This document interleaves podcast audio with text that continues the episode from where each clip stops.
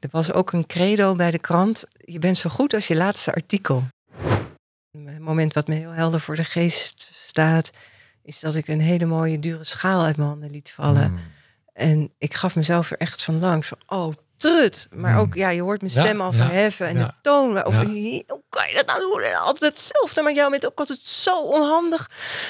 Terwijl, ja, ik vond het zelf ook heel erg van die schaal. Ja, en vaak gaan mensen in het hoofd, het hoofdkantoor, ja, ja, ja. dan toch ook, ook allemaal wel redenen bedenken dat dat toch ook echt wel goed was. Ja, en het heeft me ook heel ver gebracht. Ik ben nu wel CEO van dit bedrijf. Ja, en dan zeg jij wel dat ik heel soft en compassievol met mezelf moet omgaan. Maar toch denk ik eigenlijk dat. Dus Ja. dat, dat gaat nog een beetje in conflict met elkaar. Ja, heel begrijpelijk. Heel begrijpelijk. En vooral ook niet gaan proberen te overtuigen, Nee, maar nee, iets anders aanreiken. Je luistert naar Coachen 3.0, de podcast. Deze podcast is voor jou als je snapt dat coachen een vak is en als jij daar elke dag een beetje beter in wilt worden. Mijn naam is Sergio van der Pluim en ik ben auteur van de boekenserie Coachen 3.0 en oprichter van Bureau Bewezen FM. Met veel humor, interactie en een veilig leerklimaat leiden wij mensen op in motiverende gespreksvoering, oplossingsgericht coachen en ACT.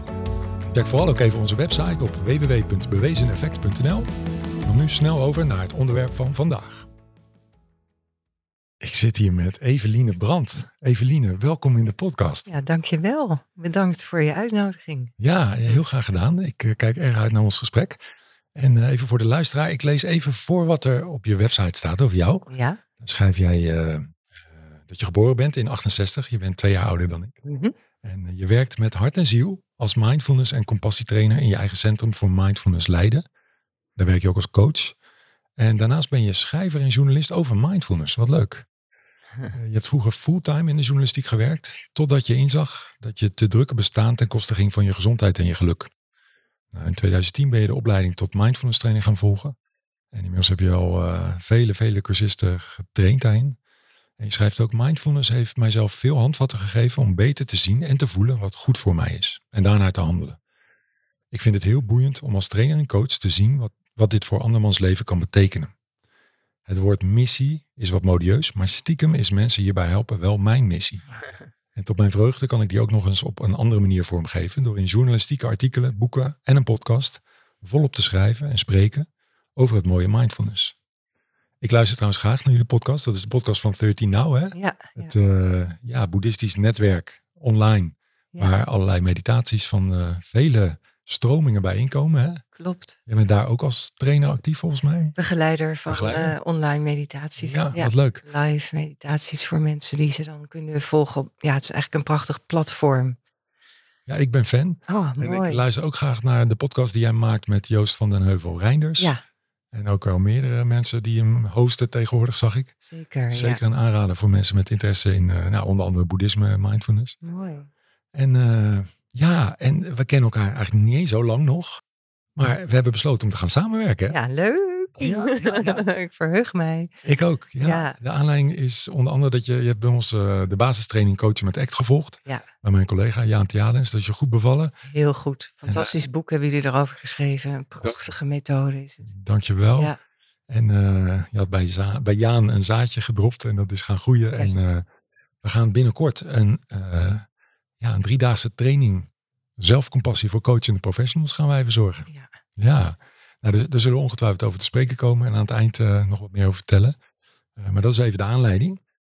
Ja, en, en ehm, ik ben wel benieuwd. Hè? Ik vind dat wel leuk, ook een stukje levensgeschiedenis. Eh, journalistiek lijkt me inderdaad een, een, vak met enorm veel deadlines. Ja. Je moet voortdurend leveren. ja, bij een dagblad werkte ik. Dus dat is dus echt dagelijks een deadline. Zo. Ja. En nou ja, dat heeft vast hele mooie kanten, maar het brak je ook op, klopt dat?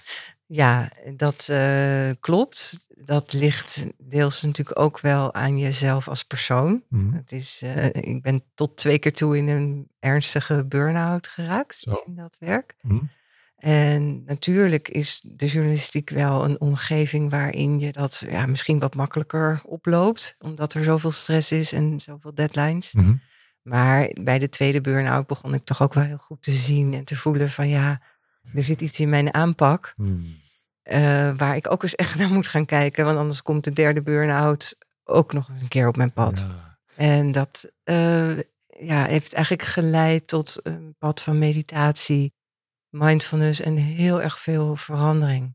Wauw. Ja. Je bent niet de eerste journalist die die beweging heeft gemaakt, volgens mij. Nee, dat klopt. Ja, ik zie wel wat meer oud-collega's die ook eh, als trainer zijn gaan werken. Ja, Ja. dat- kennelijk eh, is het gewoon echt een heel stressvol vak. En Ja, nou ja, eh, de meeste journalisten zullen onderzoekende mensen zijn, vermoed ik. Dus, ja zeker. Ja, het is, staat wel ergens in de top vijf. Hè? Dus je hebt in de gezondheidszorg, artsen hebben een heel hoog op brandrisico, hmm. journalisten. Maar nogmaals, ik wil niet alleen dat werk de schuld ervan geven. Nee, nee, er dat- zit ook echt een heel deel in je persoon, in je Ja. aanpak en het perfectionisme. Voor je het weet neem je het ook weer naar een andere baan mee. Ja, ja dat, nou, dat zie je dat je ook echt naar jezelf hebt gekeken. Ja, En, eh, en het, is een, het zal de combi zijn van veel mensen. Van, en een omgeving die een sterk appel doet op, eh, ja, op presteren misschien. Of op doorgaan. Of op eh, dagelijks leveren met deadlines. ja. En een bepaalde persoon die daar gevoelig voor is. Ja, en er zit ook nog iets heel verraderlijks in die journalistiek. En dat is, eh, je zegt dat leveren en die deadlines. Maar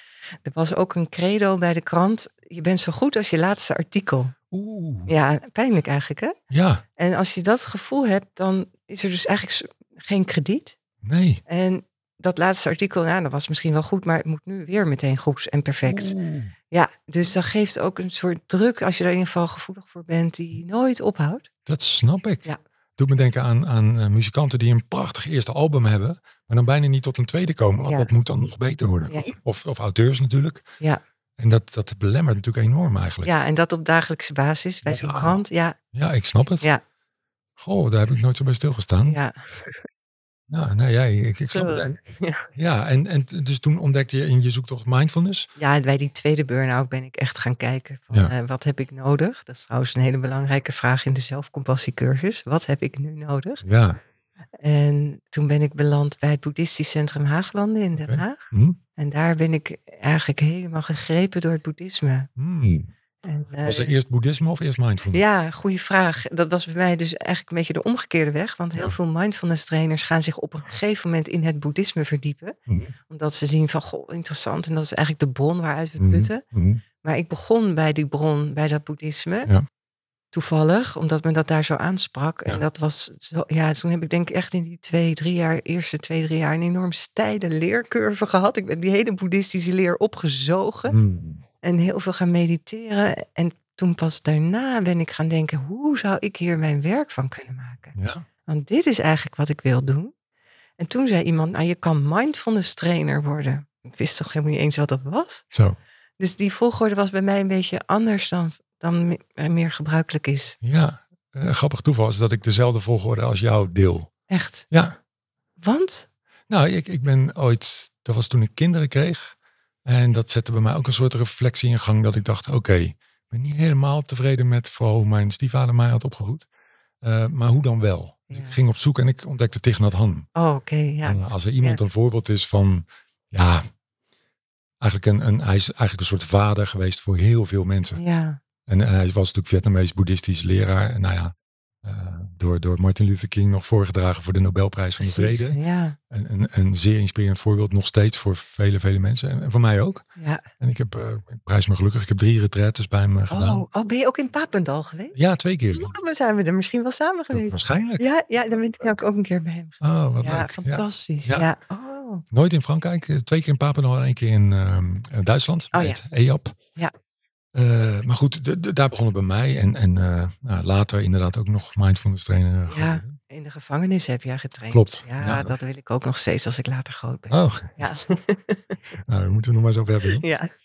Ja, nou, leuk. Eh, ehm, Oké, dus dat was je, je, ja, je, eigenlijk je, hoe jij op het pad van, van eerst boeddhisme en mindfulness bent gekomen. En ik neem aan dat het boeddhisme nog steeds belangrijk is. Oh ja, Ja, nou ja, en of. ja, Ja, ja, enorm dat, eh, houdt belangrijk. niet op. Ja, Ja, nee, ja. dat houdt nooit op. Ehm, ja.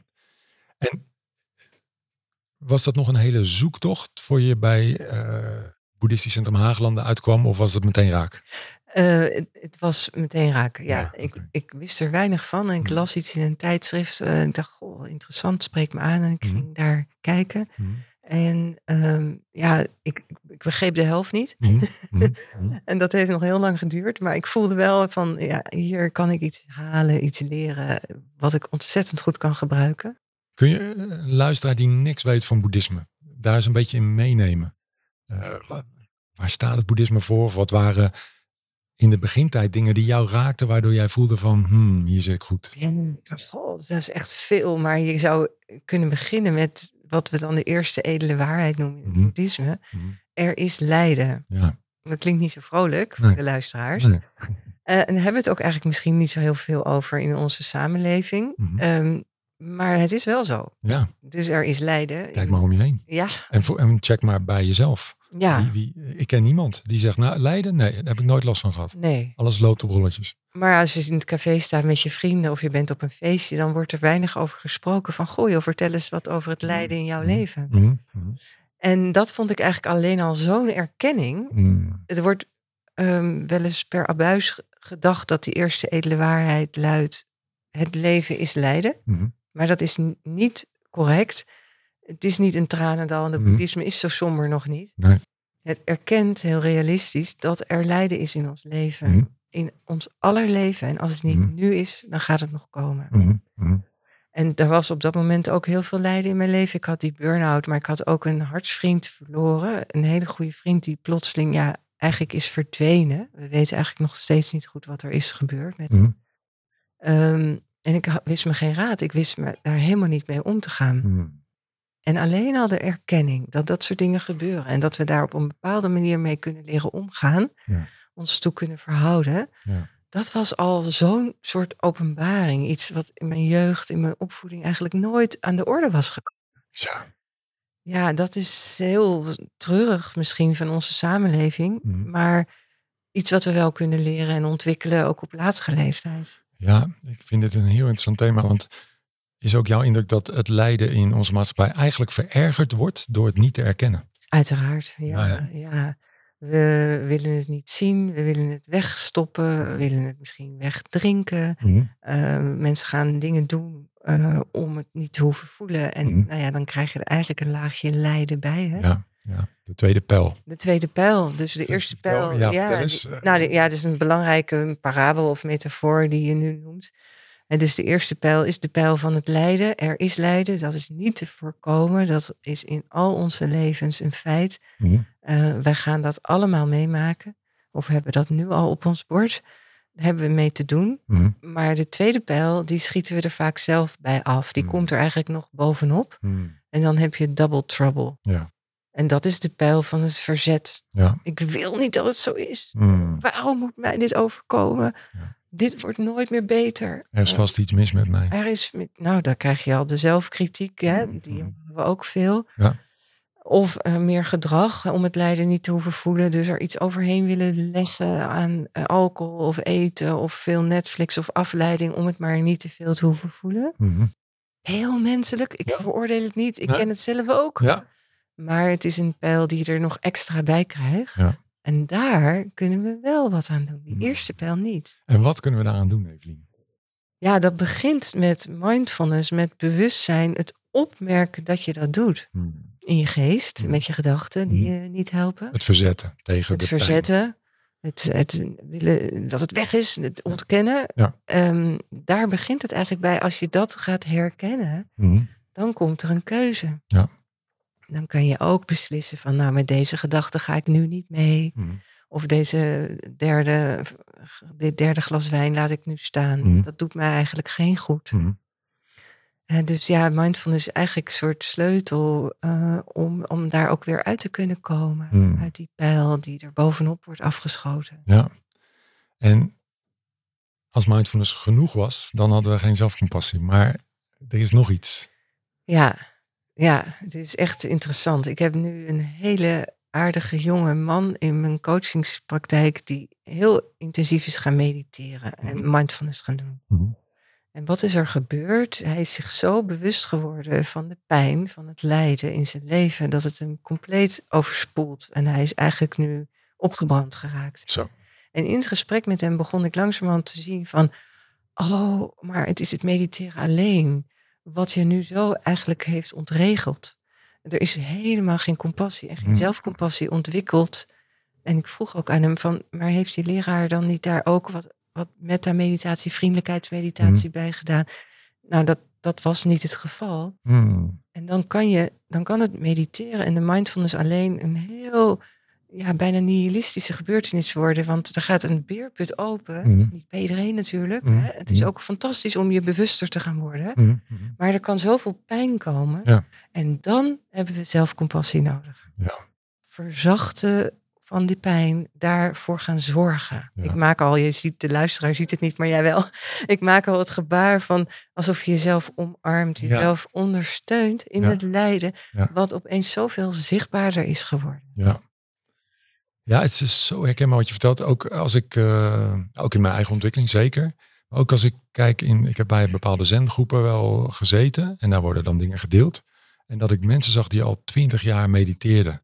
En zo streng waren, nog voor zichzelf. Dat ik dacht, oh jee, dat stuk heb je nog helemaal niet Ja. ontwikkeld. Ja. Dus die strengheid die al, mensen al helaas heel vaak hebben voor zichzelf, die Ja. gaat dan gewoon mee de meditatie in. Ja, ja, En eigenlijk is dat, ja, nou niet de bedoeling, dat zou ik niet willen zeggen, maar Mm. ja, dan ont- ontwikkelt zich dat strenge patroon zich nog verder in die meditatie. En het helpt je uiteindelijk niet. Het, de pijn komt zo op tafel te liggen, maar dan. Ja. Nou, en dan hebben we dus zelfcompassie nodig. In in mijn eigen ontwikkeling herken ik het heel sterk omdat ik heb leren mediteren bij een vechtkunst. Oh. Dus, dus daar was weinig compassie eh, te, te vinden. Ja, En dat was een hele strenge, wel zen-meditatie, maar heel streng. Je moest je eh, ontzettend, ja, eigenlijk perfectionistisch zien te concentreren op je ademhaling. En het ging zelfs zo ver. We zaten dan op onze blote knieën. eh in Seiza eten dat. En best lang ook, soms Ja. echt wel tien minuten. Dus zonder bankje.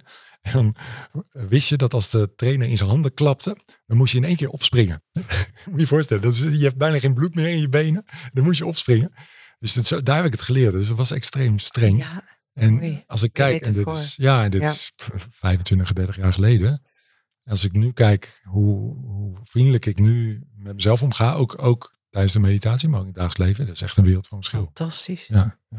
Ja, en ik had het geluk dat in dat boeddhistisch centrum Haaglanden, waar ik begon, Hmm. daar was de traditie dat ze begonnen met eh, concentratiemeditatie, maar meteen ook metameditatie. Ja, mooi. De vriendelijkheidsmeditatie. De leraar daar zei, dit gaat hand in hand, jullie leren die methode tegelijkertijd. Prachtig. Dus daar zat hem dat al wel meteen in. Mooi zeg. Ik denk dat ik anders ook behoorlijk ontregeld, ik heb daar ook heel wat traantjes gelaten, maar Mhm. er was ook een bedding, Mhm. een liefdevolle bedding voor. Ja. Ja. En er komt een hele mooie tekst bij me op die ik laatst hoorde bij Christopher Gurmer. Mm. En die zei van, ja, mindfulness gaat over eh, eh, being aware of your experience. Maar self-compassion gaat over taking care of the experiencer. Oh, wauw. Ja. En, en hij beschreef ook hoe hij, dat laatste hem, voor hem ook het grote verschil had gemaakt. Hij had Ja. spreekangst. Ja. En dat bleek later eigenlijk spreekschaamte te zijn. Oh ja. En de zelfcompassie hielp hem om zich niet meer te schamen. En gewoon te vertellen wat hij wilde vertellen. Ja. Ja. Mooi. Hey, en, en ja, voor mensen die zeggen, ja, eh, leuk en aardig, eh, zelfcompassie, wat is dat? En eh, klinkt daar best wel soft. En Ja. vertel eens even, Evelien, Mm. wat is het en wat heb je er dan? Wat heb je er dan? Nou, een heleboel. Ja. Ehm, als ik terugkijk, heel even persoonlijk nog, dan denk ik dat ik door het mediteren ontzettend veel heb geleerd en heel erg ben veranderd. Maar dat de echte grote om, omslag in mijn leven, eh, de, ja, ik kan wel zeggen, een soort transformatie is ge- gekomen door het oefenen in liefdevolle vriendelijkheid voor anderen en voor mezelf. Mm. Die zelfcompassie heeft denk ik, nou ja, in hand in hand met de mindfulness hoor, maar zo ontzettend veel gebracht en veranderd. Dat is dus een beetje de missie, je noemde het woord net in het begin, die ik nu heb van, oh, dit wil ik echt heel graag aan andere mensen aanreiken. Mm. Eh, wat is het? Nou, als je het heel simpel zegt, dan is ehm, zelfcompassie omgaan met jezelf zoals je zou doen met een heel dierbare vriend of vriendin. Wauw. Ja. En dat is dus niet vanzelfsprekend. Nee, het is niet bepaald hoe we het leren, hè, vaak. Nee, nee. En dan met name op die momenten dat we lijden. Dus je zou je kunnen voorstellen dat een dierbare vriend of vriendin iets heel moeilijks doormaakt. Of heeft gefaald, of zichzelf iets heel erg kwalijks neemt. En hoe jij daar dan op zou reageren. Mm. Zou luisteren, begrip zou tonen. Er zou willen zijn voor de ander. Mm. En die attitude, die dan voor jezelf ontwikkelen. Want dat heb je niet even zomaar gefixt. Nee. Dat is zelfcompassie. Ja. Ja, eigenlijk kan ik het denk ik niet simpeler dan dat zeggen. Nee, maar het dat- is niet zo makkelijk. Nee, nee, precies. Nee. Makkelijker gezegd dan gedaan. Ja. Maar dit gun je natuurlijk iedereen. Ja, En, en zeker, nou ja, in het Westen ja. heb ik denk dat heel veel mensen extreem kritisch zijn op zichzelf. Zeker, het is hier in onze cultuur is er iets, eh, we kunnen daar heel lang over filosoferen. Mm. Het zou nog drie podcasts Ja. kosten. Maar er, er zit iets in onze cultuur, in onze samenleving en onze opvoeders nemen dat met de beste bedoelingen vaak ook weer mee. Van toch een soort strengheid, niet Mm. zeuren, Mm. tanden op elkaar, iets Ja. oud-Calvinistisch. Nou, er zit een hele cocktail van verklaringen. Ja. Er nogmaals niet zo diep op in te gaan.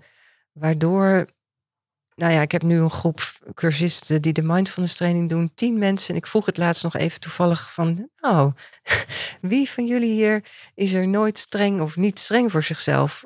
En niemand stak zijn hand op. Nee, nee. Dus er zit iets in onze cultuur wat we heel erg herkennen. We zijn streng voor onszelf. Ja. We doen onszelf eigenlijk iets aan.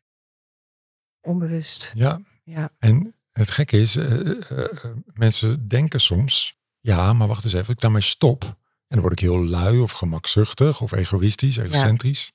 Wat is jouw ervaring? ja. Dat zijn inderdaad vooroordelen die er heel veel zijn over zelfcompassie. Ja, weet niet, word een watje. Ja. Kom niet meer van die bank af, want dan ben Mhm. ik altijd maar zo vriendelijk voor mezelf. Mhm. En ik probeer eigenlijk altijd die vooroordelen in het begin van een training te inventariseren, Mhm. maar niet te gaan tegenspreken. Mhm. En er is wel allerlei evidence dat het anders is. Er is onderzoek naar gedaan en het, het blijkt niet te kloppen, maar dat, daar hebben mensen niet zoveel aan. Nee, nee. Dus Want anders ga je ze overtuigen en Ja. iedereen weet dat dat toch niet werkt. Nee, en heb ik daar nou de wijsheid over in pacht? Nee, het Mhm. is veel fijner als ze het zelf gaan ervaren. Ja, ja. Dus ik probeer altijd wel die vooroordelen naar boven te halen. En Mhm. daarna te zeggen van nou oké, laten we het maar eens gaan zien. Hmm. Hoe, hoe zijn we eraan toe? Na acht weken zijn we couch potatoes. Ja. Die alleen nog maar liggen met een zak chips en waar niks meer uit onze handen komt. Of zou, zou het misschien anders zijn? Hmm. Nou, we gaan het zien. Ja, ja, mooi. Ja, omdat dit een podcast is, eh, ehm, wil ik toch wel iets noemen wat ik laatst hoorde. Ehm, want eh, als je, als je denkt aan motivatie, dan zijn we geneigd te denken, nou, een beetje streng voor jezelf zijn kan geen kwaad. Hè? Zeker als je iets te veranderen hebt. En het onderzoek laat het tegendeel zien, dat Ja. je vanuit zelfcompassie juist eh, een, een, een, eigenlijk dat, dat dat gunstig werkt voor je motivatie om, om je leefstijl bijvoorbeeld te veranderen. Ja. En de verklaring die opeens bij mij in ieder geval binnenkwam was van, kijk, vanuit zelfkritiek jezelf motiveren is eigenlijk jezelf motiveren vanuit angst. En, Ja, ja. en vanuit zelfcompassie is vanuit liefde. Oh wauw, die is Ja. ook mooi. Ja. Ja, Dus ja, kies maar. zeker. Ja. Eh, angst en liefde. En wat er ehm, door Kristin Neff, die dit ook Mhm. allemaal heel goed wetenschappelijk onderzoekt, Ja, over wordt gezegd, is dat we door zelfkritiek of door strengheid voor onszelf ons zelfvertrouwen ook ondermijnen. Ja, oh ja. En dan eigenlijk daardoor minder ver komen dan we Mhm. eigenlijk zouden kunnen. Die snap ik helemaal, want zelfvertrouwen is ook zo belangrijk bij verandering. Ja, en dan kan je ook weer de vergelijking trekken van hoe zou je nou met een ander omgaan. Mhm. Nou, stel je kind komt thuis met een onvoldoende. Hmm. Nou, als een liefdevolle ouder, ik bedoel, zullen we ook niet altijd in slagen, maar in principe is een liefdevolle ouder dan geneigd om te zeggen, joh, wat rot voor je. Ja. Hè, wat vervelend. En eh, misschien ook nog eens vragen van, hoe kwam dat nou, denk je? En dan laten blijken van, maar ik heb gewoon vertrouwen in jou. Hmm. Hè? En eh, wat heb je nodig Mm, om mm. misschien het, het onvoldoende op te kunnen halen? Nou, dat is een manier waarmee je kinderen motiveert Ja, ja. om het beste uit zichzelf te halen. En dat te laten zien, Ja. onvoorwaardelijk. Ja.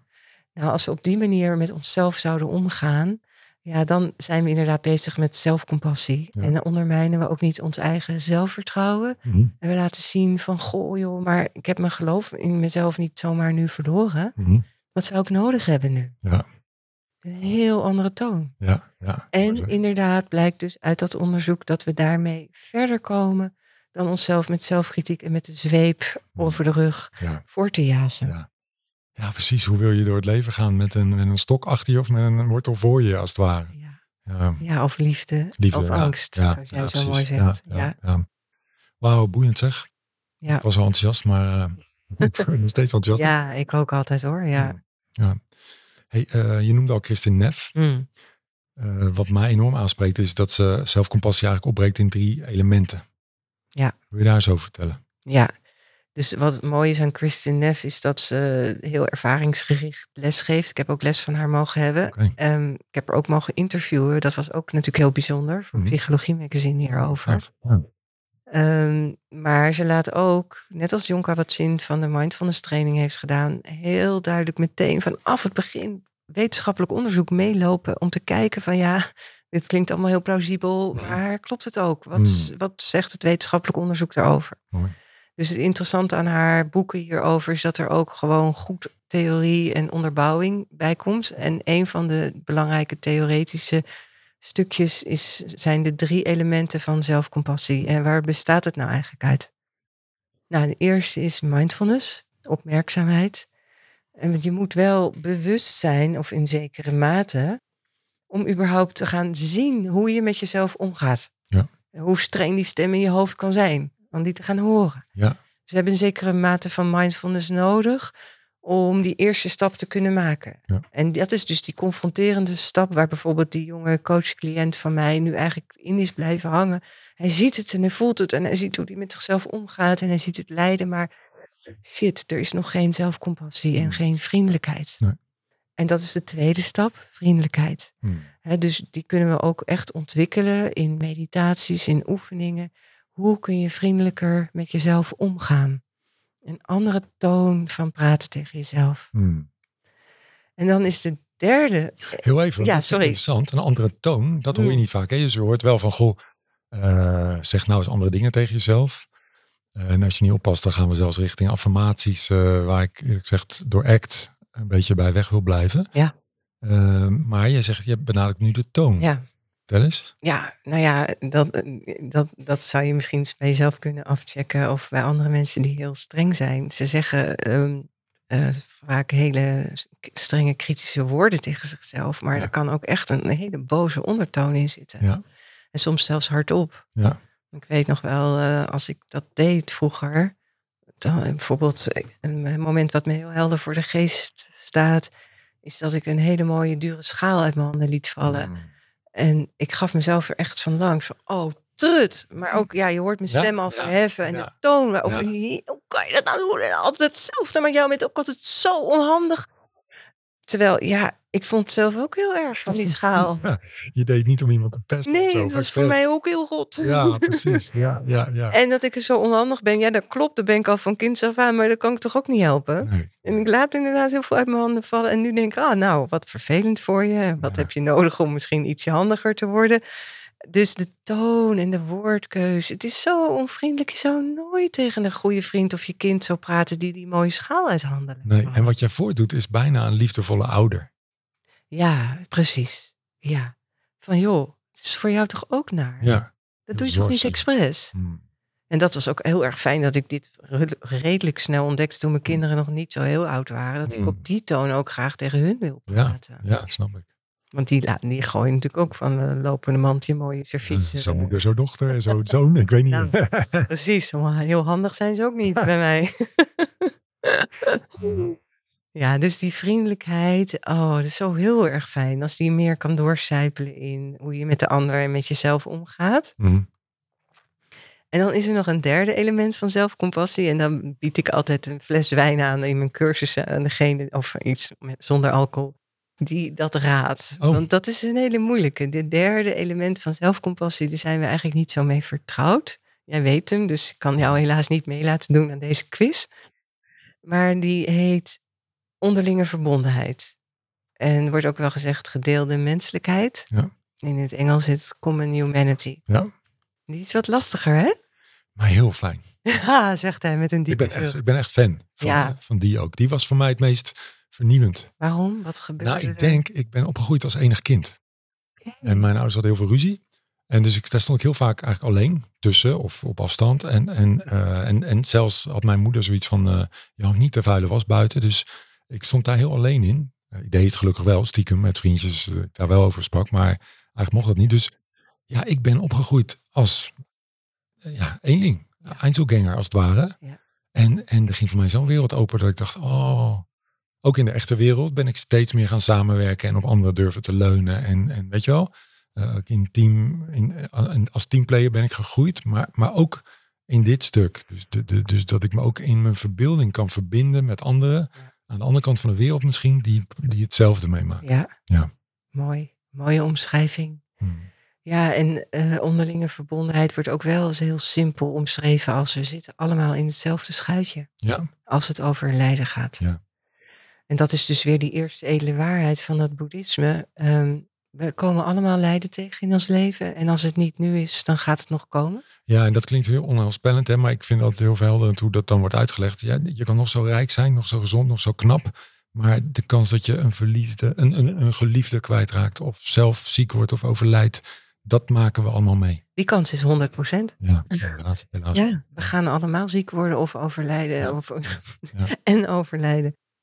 Eh, we gaan allemaal dierbaren Ja, verliezen. ja, En we hebben het er veel te weinig over. Ja, ja. Maar we zijn daarin onderling verbonden. Mhm. En we kunnen het er wel meer over gaan hebben. Ja. En het is een heel troostend aspect van Mhm. zelfcompassie. Mhm. En het geeft ook wel misschien een zekere kracht. Ja. Die er niet alleen voor staat. Ja, en nu noemen we de, de, de grote pijn van de mensen. Maar bijvoorbeeld een, een hele alledaagse die heel veel mensen meemaken. En, en waarin ik mezelf heel wat zelfcompassie heb, zou hebben gegund met terugwerkende kracht.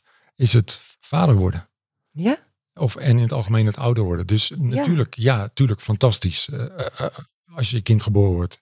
Heel bijzonder en heel dankbaar. Mooi voorbeeld. Dat we, de, we hebben er zelfs twee gekregen. En er nog een jongen en een meisje. Vind ik helemaal fantastisch. Een koningswens. Mm. Dus, dus ja, tuurlijk, pure dankbaarheid op dat stuk.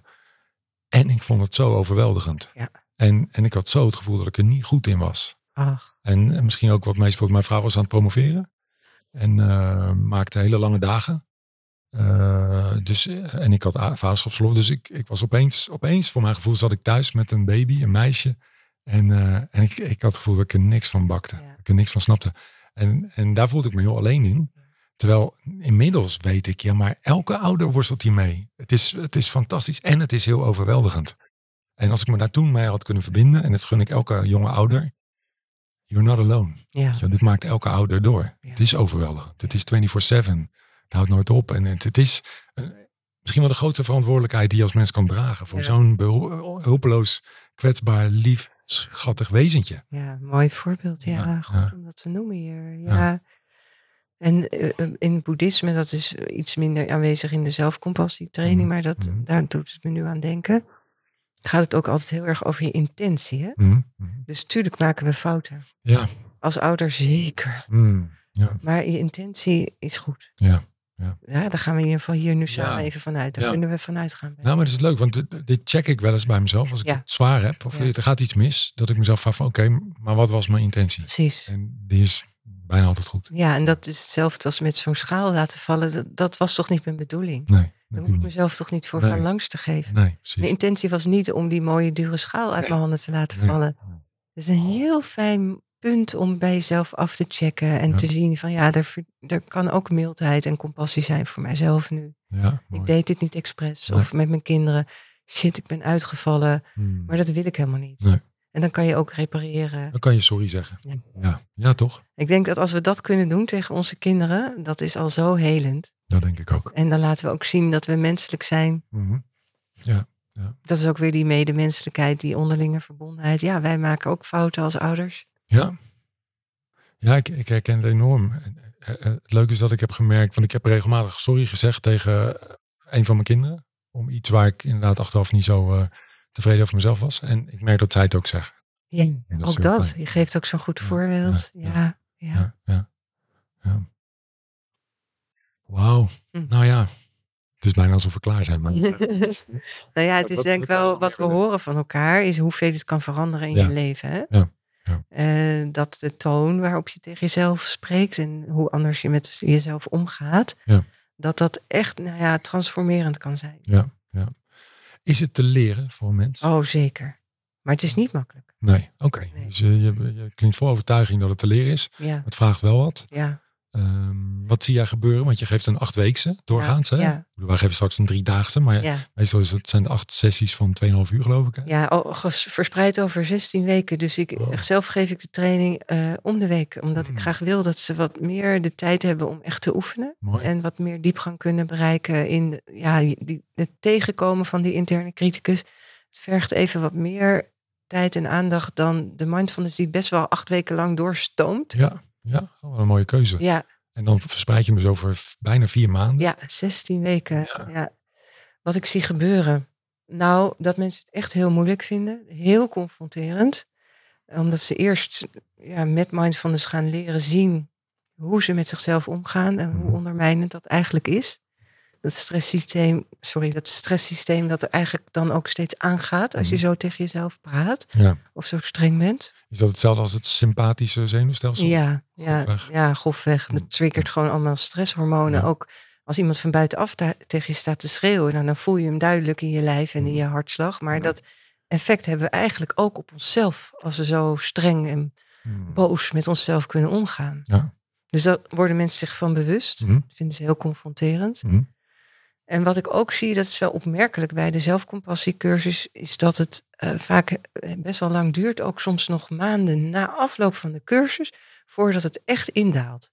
Zo. Ja, dat, daar is, is vaak zoveel, zo'n dikke laag, zo'n dikke muur van weerstand, van oude gewoontepatronen. Ja. Eh, dat mensen in de cursus soms vooral heel erg aan het worstelen zijn. Mhm. Mhm. En als ze doorgaan met het Mm. oefenen, met de meditaties, de zelfcompassieoefeningen, eh, dat ik dan soms maanden later berichtjes krijg of afspraken krijg met mensen dat ze zeggen: Oké, en opeens viel het kwartje. Ja. Ja, Eigenlijk is het heel logisch, bedenk ik opeens. Want je bent, stel, laten we zeggen, je bent eh 35 jaar oud.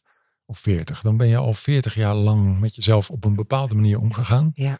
Die je eh, hebt meegekregen van huis uit. En eh daar kun je niet, niet veel aan doen. Maar je hebt iets ingetraind als het ware. precies. Ja, dat kun je niet zomaar even veranderen. Nee, dat zijn die hersenpaadjes. Hè? Ja. Dat weet jij natuurlijk ook heel Ja. goed. Alsof de gewoontes echt in die hersenen zijn ingesleten. Mhm. Nou, en die halen we er niet zomaar weg. We kunnen er wel een ander paadje naast Mhm, aanleggen. mhm, Een paadje van meer vriendelijkheid, Ja. van meer compassie. Maar daar moet je behoorlijk wat overheen gaan lopen Ja. en gaan oefenen. Ja. Voordat zo'n paadje ook echt, ja, ook een beetje een ingesletener pad voor je wordt. Ja, En het andere paadje ondertussen misschien een klein beetje meer overwoekerd raakt. ja.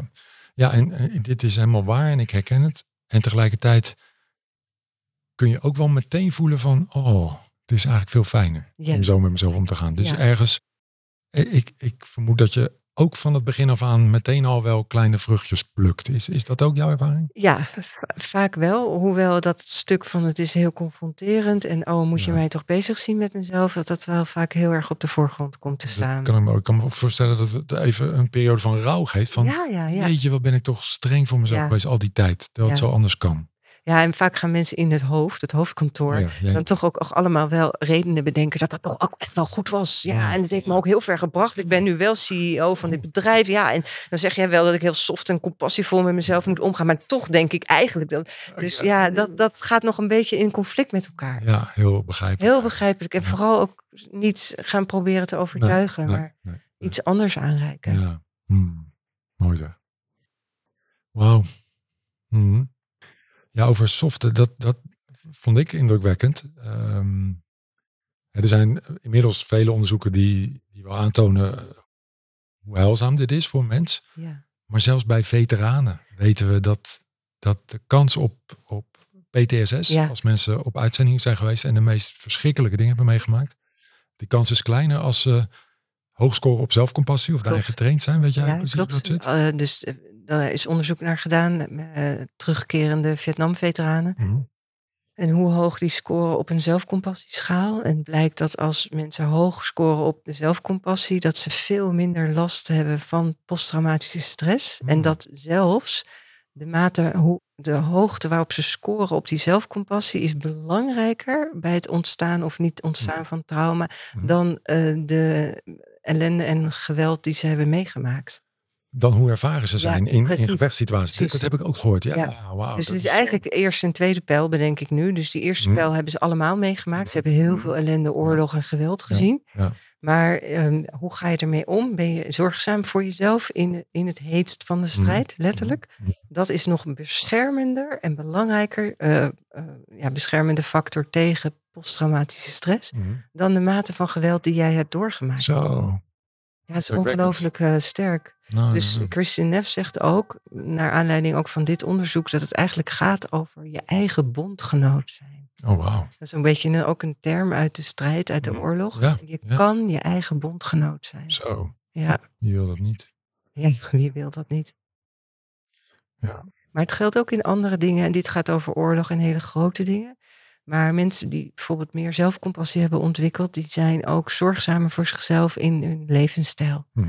En het lijkt zo van, oh, ik ben vriendelijk voor mezelf, ik mag wel die hele zak chips. Mm. Maar nee, ze beslissen juist van, nou, dat is niet zo goed voor mijn gezondheid. Ik Mm. houd bij één schoteltje chips. Mm. En daar geniet ik van. En Ja. natuurlijk mag ik dat, maar nee, die hele zak, dat is niet zo goed als ik echt voor mezelf wil zorgen. Oh, wauw. Ja. Ja, dus ook omgaan met levensstijl, gewicht en verslavingen. Mhm. Daarbij is zelfcompassie ook heel heilzaam. Prachtig. Ja. Ja, Dat is wel hoopgevend.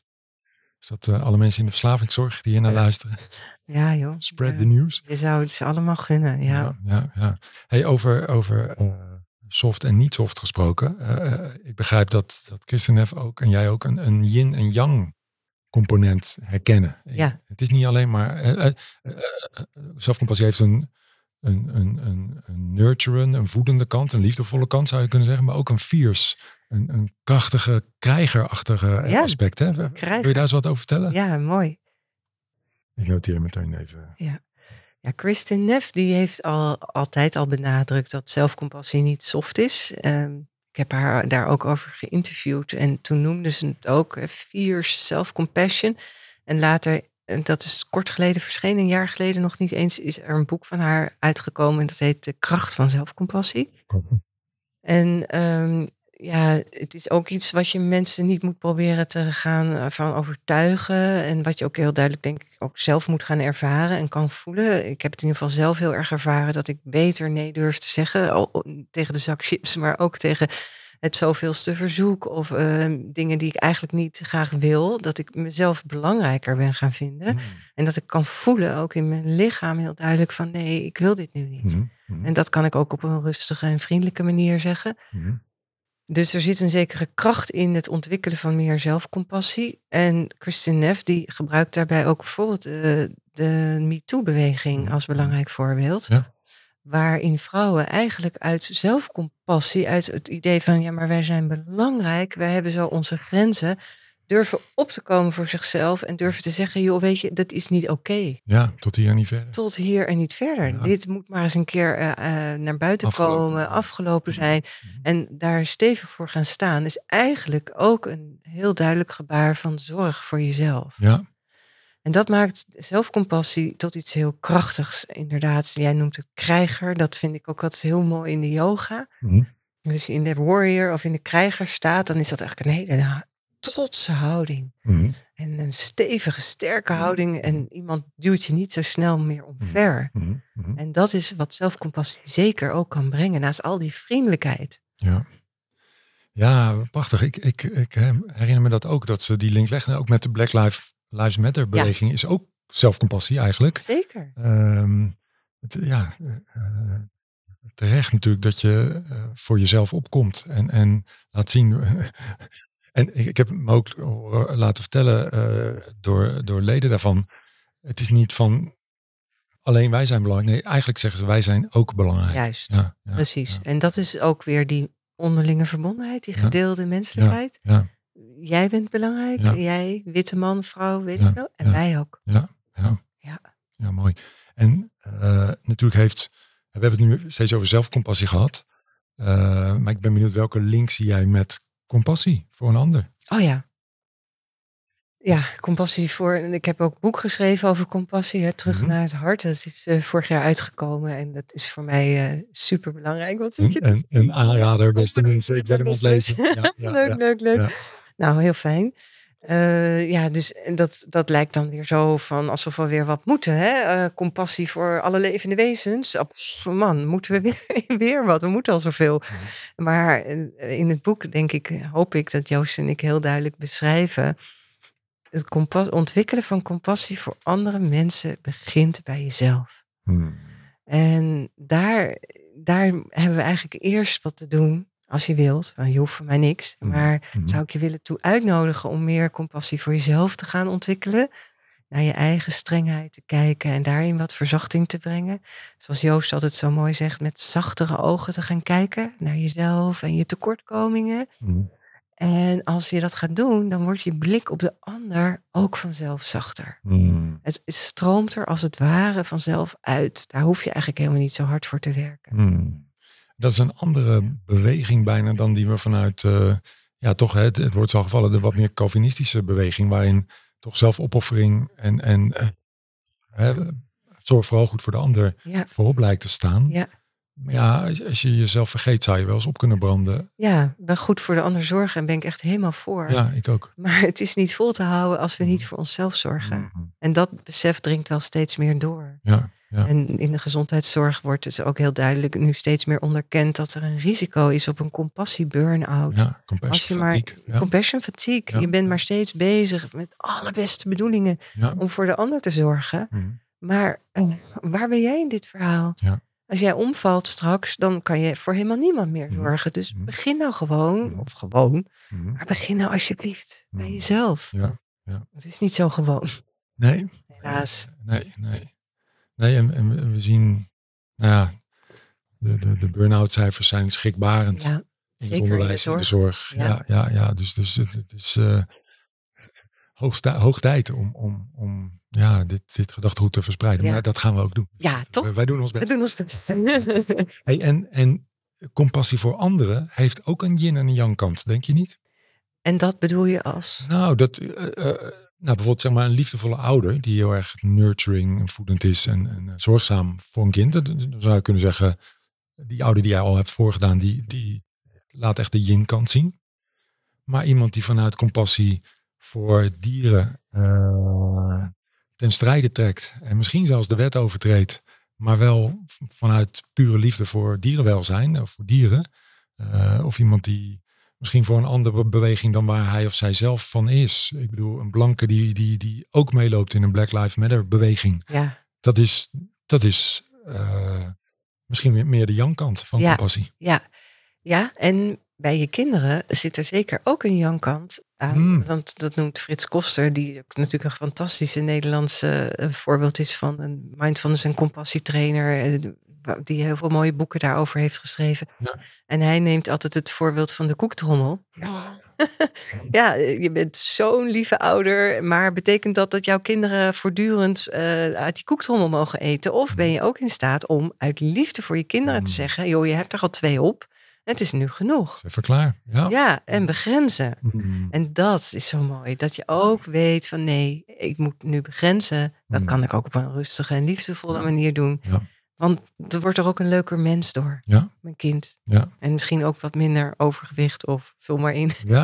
ja. Wat voor risico's als we niet begrenzen. Nou en of. Ja. Vind ik niet het makkelijkste stuk van Nee? ouderschap. Heel eerlijk. nee. Nee, niet zo goed in. Oh, Maar ik zie het belang. Ik zie het belang. En ik ben erin gegroeid. Maar, ja, ja. ja. je moet niet te aardig zijn, Sergio. Nee, ik weet het. Ik weet het. Nou ja, ik doe mijn best. Ja. Ehm, ja. Zijn er nog dingen die jij graag eh, gedeeld wil hebben in dit gesprek? Oh, ik wil nog drie uur door. Zullen we dat doen? Ja, gaan we gewoon doen. Maar dan wel verdeeld over drie gesprekken. Nee, ja, ik kan hier heel lang over praten. Maar het is misschien ook wel interessant als je dat zou willen om, om daar iets van te ervaren. Een soort oefening. Goed idee. Wil je ja. dat? Ja, graag. Leuk. Ja? Goed idee. Wat, zou- Kan je voor de luisteraar iets... eh, Ja, ik wil wel met jou als proefpersoon Oké. een kleine oefening doen, een Graag. meditatie. ja? En die sluit echt precies aan bij waar we net waren in het gesprek over ehm, de yin en de yang, eh, de zachtheid en de kracht die eh, zelfcompassie kan brengen. Ehm, het is een oefening die ik zelf geleerd heb van Irene Bakker. Zij is een belangrijke Nederlandse zenleraar met ook heel erg veel compassie als je ziet hoe ze het belichaamt. En Irene Bakker, daar heb ik twee keer een heel weekend bij gevolgd over stervensbegeleiding. Dat was iets wat ik ooit ook nog wilde, maar heb ik even geparkeerd bij al mijn wensen op dit gebied. Hmm. Komt misschien later nog wel.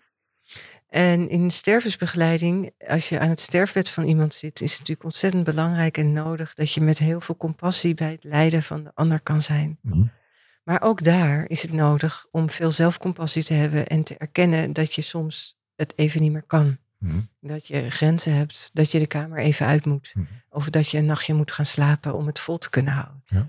En Irene Bakker leerde ons in die weekenden van wat we nodig hebben is een soft front, een zachte voorkant voor de ander, Hm, voor jezelf, maar ook een strong back, een stevige rug.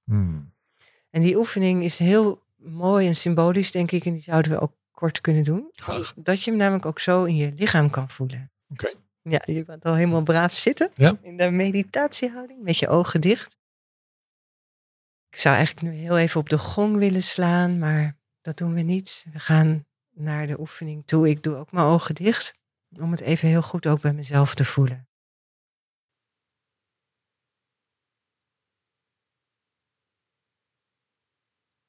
Dus ik wil je vragen om eventjes uit je hoofd te komen, uit al het praten en denken wat er net is, misschien is aangezet in dat hoofdkantoor. En de aandacht naar het lichaam te brengen. En dan beginnen we met aandacht voor de voorkant van het lichaam. En dan kun je eens voelen of aandacht brengen in je gezicht. Het gezicht wat zacht is. Met de wangen en de lippen. De ogen, de ogen die nu misschien even gesloten zijn, maar normaal gesproken naar buiten gericht zijn. Open, naar de ander. En je kan aandacht brengen naar de keel, zacht, kwetsbaar gebied. En naar de borst, de borstkas. En daar jouw eigen goede hart. Dan zak je nog wat verder met de aandacht in de buik.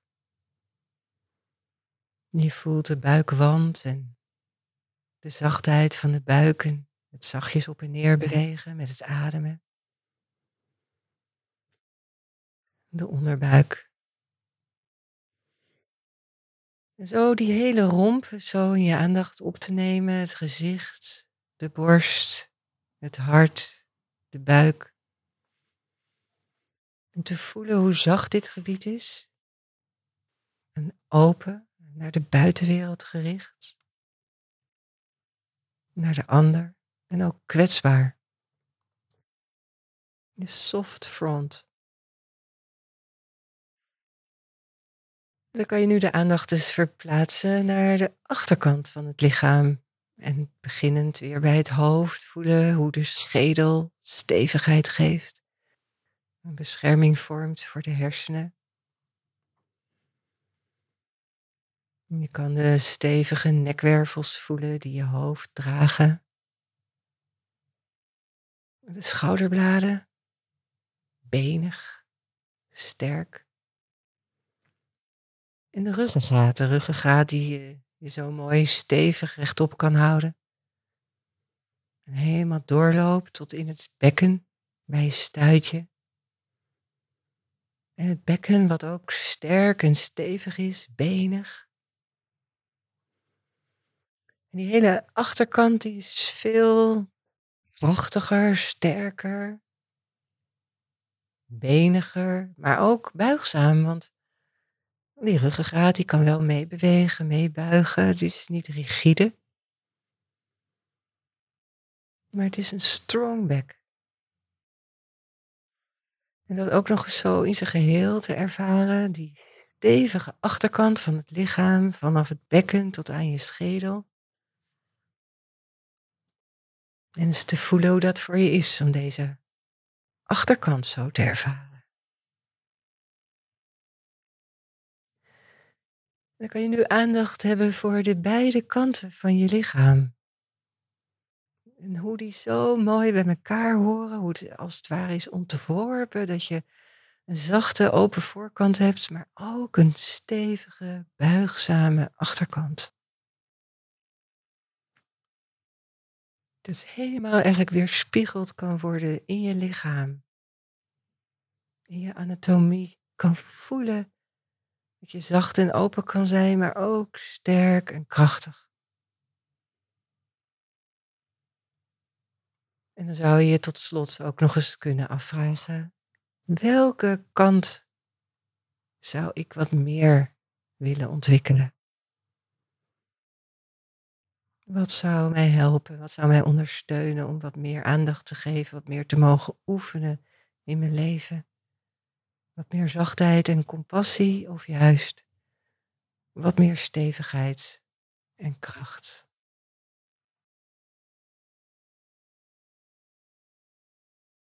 Nou, dan zou je nu eigenlijk de gong willen horen en langzamerhand je ogen weer kunnen openen.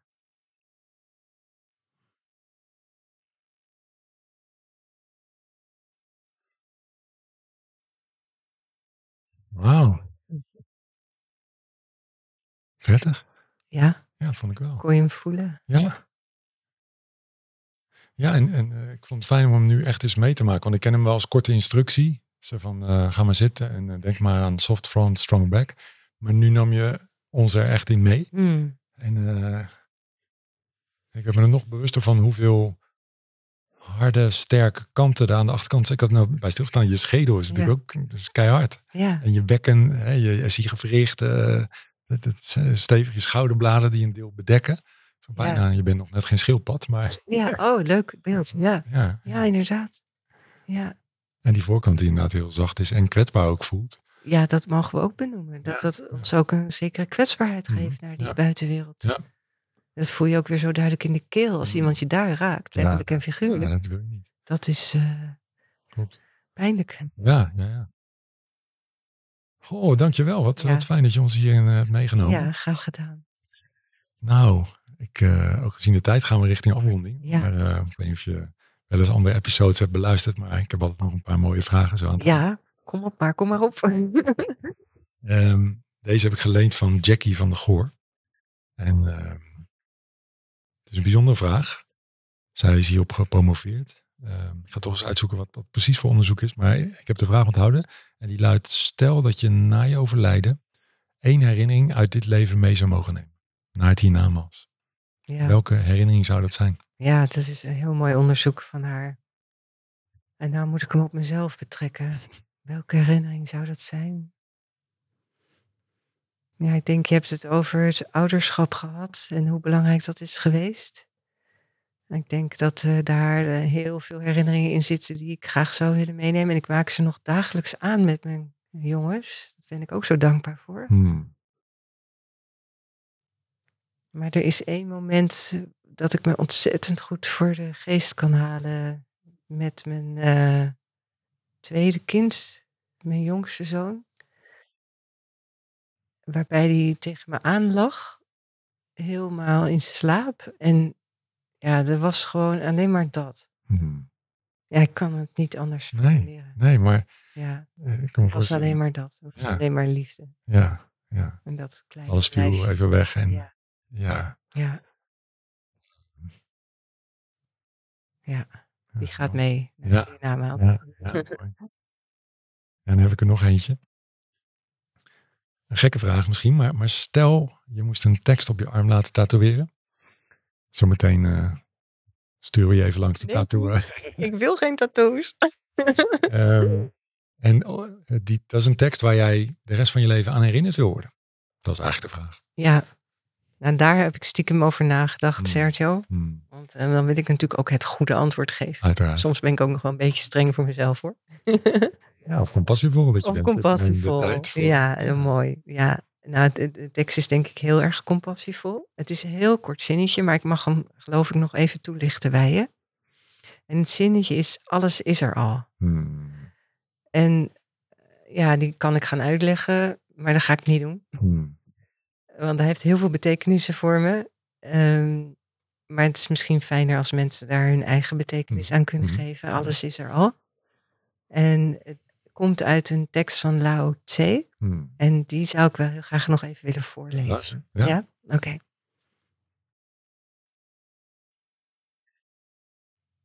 We hopen altijd dat een ander het antwoord heeft. Dat het op een andere plek beter zal zijn. Dat ooit alles duidelijk zal zijn. Maar dit is wat het is. Niemand anders heeft het antwoord. Nergens anders zal het beter zijn. En alles is er al. In het diepste van je wezen ligt het antwoord. Luister naar je hart en weet dat het enige wat je te doen staat is zijn. Prachtig. Dan krijg ik toch weer kippenvel. Oh, wat Dat mooi. is toch ongelooflijk. Ja. Ja. Ja, Hij resoneert bij mij ook Ja. enorm. Ook al dat eerste korte zinnetje. ja. Gaaf. Nou, Eveline. Waar kunnen mensen jou vinden? Oh, Online. eh, ja, het Centrum voor Mindfulness Leiden. Mhm. Dat is dan een vreselijke mond vol voor mijn website. Maar Mhm. dat is dan dus www.centrumvoormindfulnessleiden.nl. Mhm. Maar het is zo te vinden, denk ik, voor Mhm. wie dat zou willen. En je hebt ook een persoonlijke Eveline Brand, geloof ik. Hè? Ja, het is een beetje een eh, restant uit mijn journalistieke Ah. tijd. Dus mensen die meer zoeken naar eh, schrijfcursussen Hmm. of journalistiek werk, die Hmm. kunnen we ook nog op evelinenbrand.nl vinden. Met DT. Met DT. Ja, ja. Klopt, ja. Nou, mooi. Nou ja, het is eh, duidelijk, eh, Eveline. Jij hebt de test eh, maak, maak jij de wereld mooier. Die heb je glansrijk eh, Oh, staan. Dat vind ik veel te veel eer. Echt, maar we proberen het. Tot nu toe is het met elke gast eh, gelukt. En Ja. Jij ook glansrijk. Oh, En eh, dat geldt eh, ongetwijfeld ook voor de luisteraar. Dat weet ik gewoon. ja, maar ook voor jou. Sorry dat ik even inbreek. Hmm. Zo, neem je die even aan? Ah. Ja. Ja, dankjewel. Goed zo. Ja, ja, ja. Oké. Ja, en, en eh, nou ja, mo- mocht eh, de luisteraar eh, toevallig geïnteresseerd zijn in een eh, driedaagse training zelfcompassie voor coachende professionals, Want die kunnen het ook zo goed gebruiken, die coaches. enorm. Ja. Of zou iemand weten? Denk aan ons. We starten eh, dit najaar op 1 oktober 2022 en we gaan het vast vaker doen. Maar Ik eh, hoop het. In ja. Leiden, ja. Ja. Wees welkom inderdaad aan iedereen die zich daardoor aangesproken voelt. meer informatie op www.bewezeneffect.nl. Lieve luisteraar, dankjewel voor je aandacht. Hopelijk was het nuttig en of inspirerend voor je. En eh, Graag tot de volgende keer. Dankjewel.